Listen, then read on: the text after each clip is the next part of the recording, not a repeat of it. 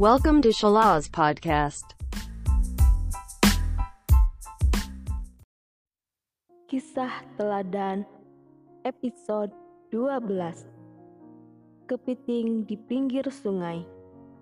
Pada suatu ketika di lingkungan pertapaan Seorang pertapa muda sedang berjalan-jalan pagi.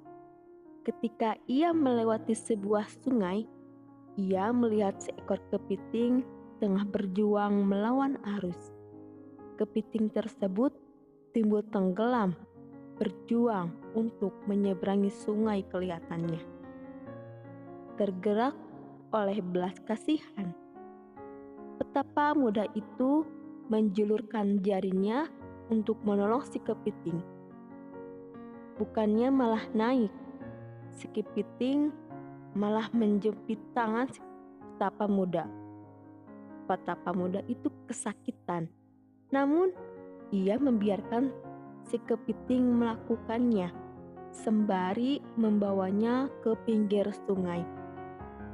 Ketika sudah sampai di pinggir sungai, ia melepaskan jepitan kepiting itu dari tangannya dan membiarkannya pergi. Namun celakanya, sepanjang pagi itu banyak kepiting berjuang melewati sungai tanpa pikir panjang, si petapa melakukan hal yang sama dengan kepiting-kepiting tadi.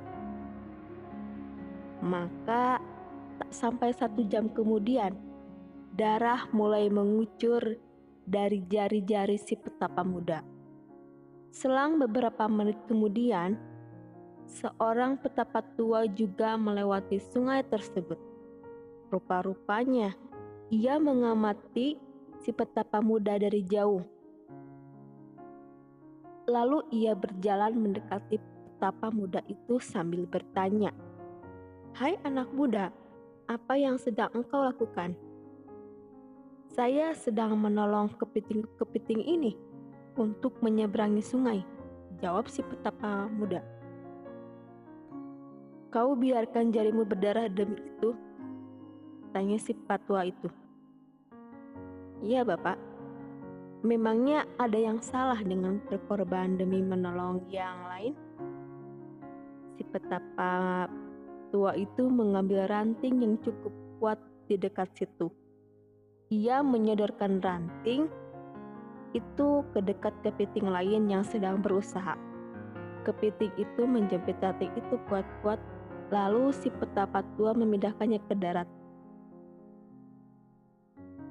Lihatlah anak muda, masih ada banyak cara menolong orang lain tanpa membuat dirimu sendiri menderita.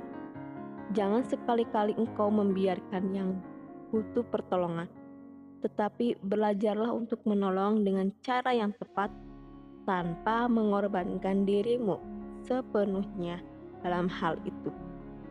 Si petapa muda memandang seniornya dengan penuh rasa hormat dan menjawab, Terima kasih banyak guru. Saya masih merasa sering berkorban diri seutuhnya dalam menolong orang. Karena menolong orang adalah hal yang mulia.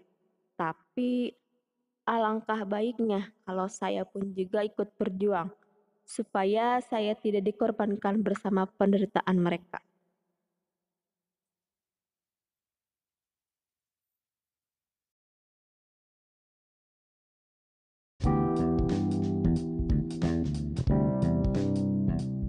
Thank you for attention.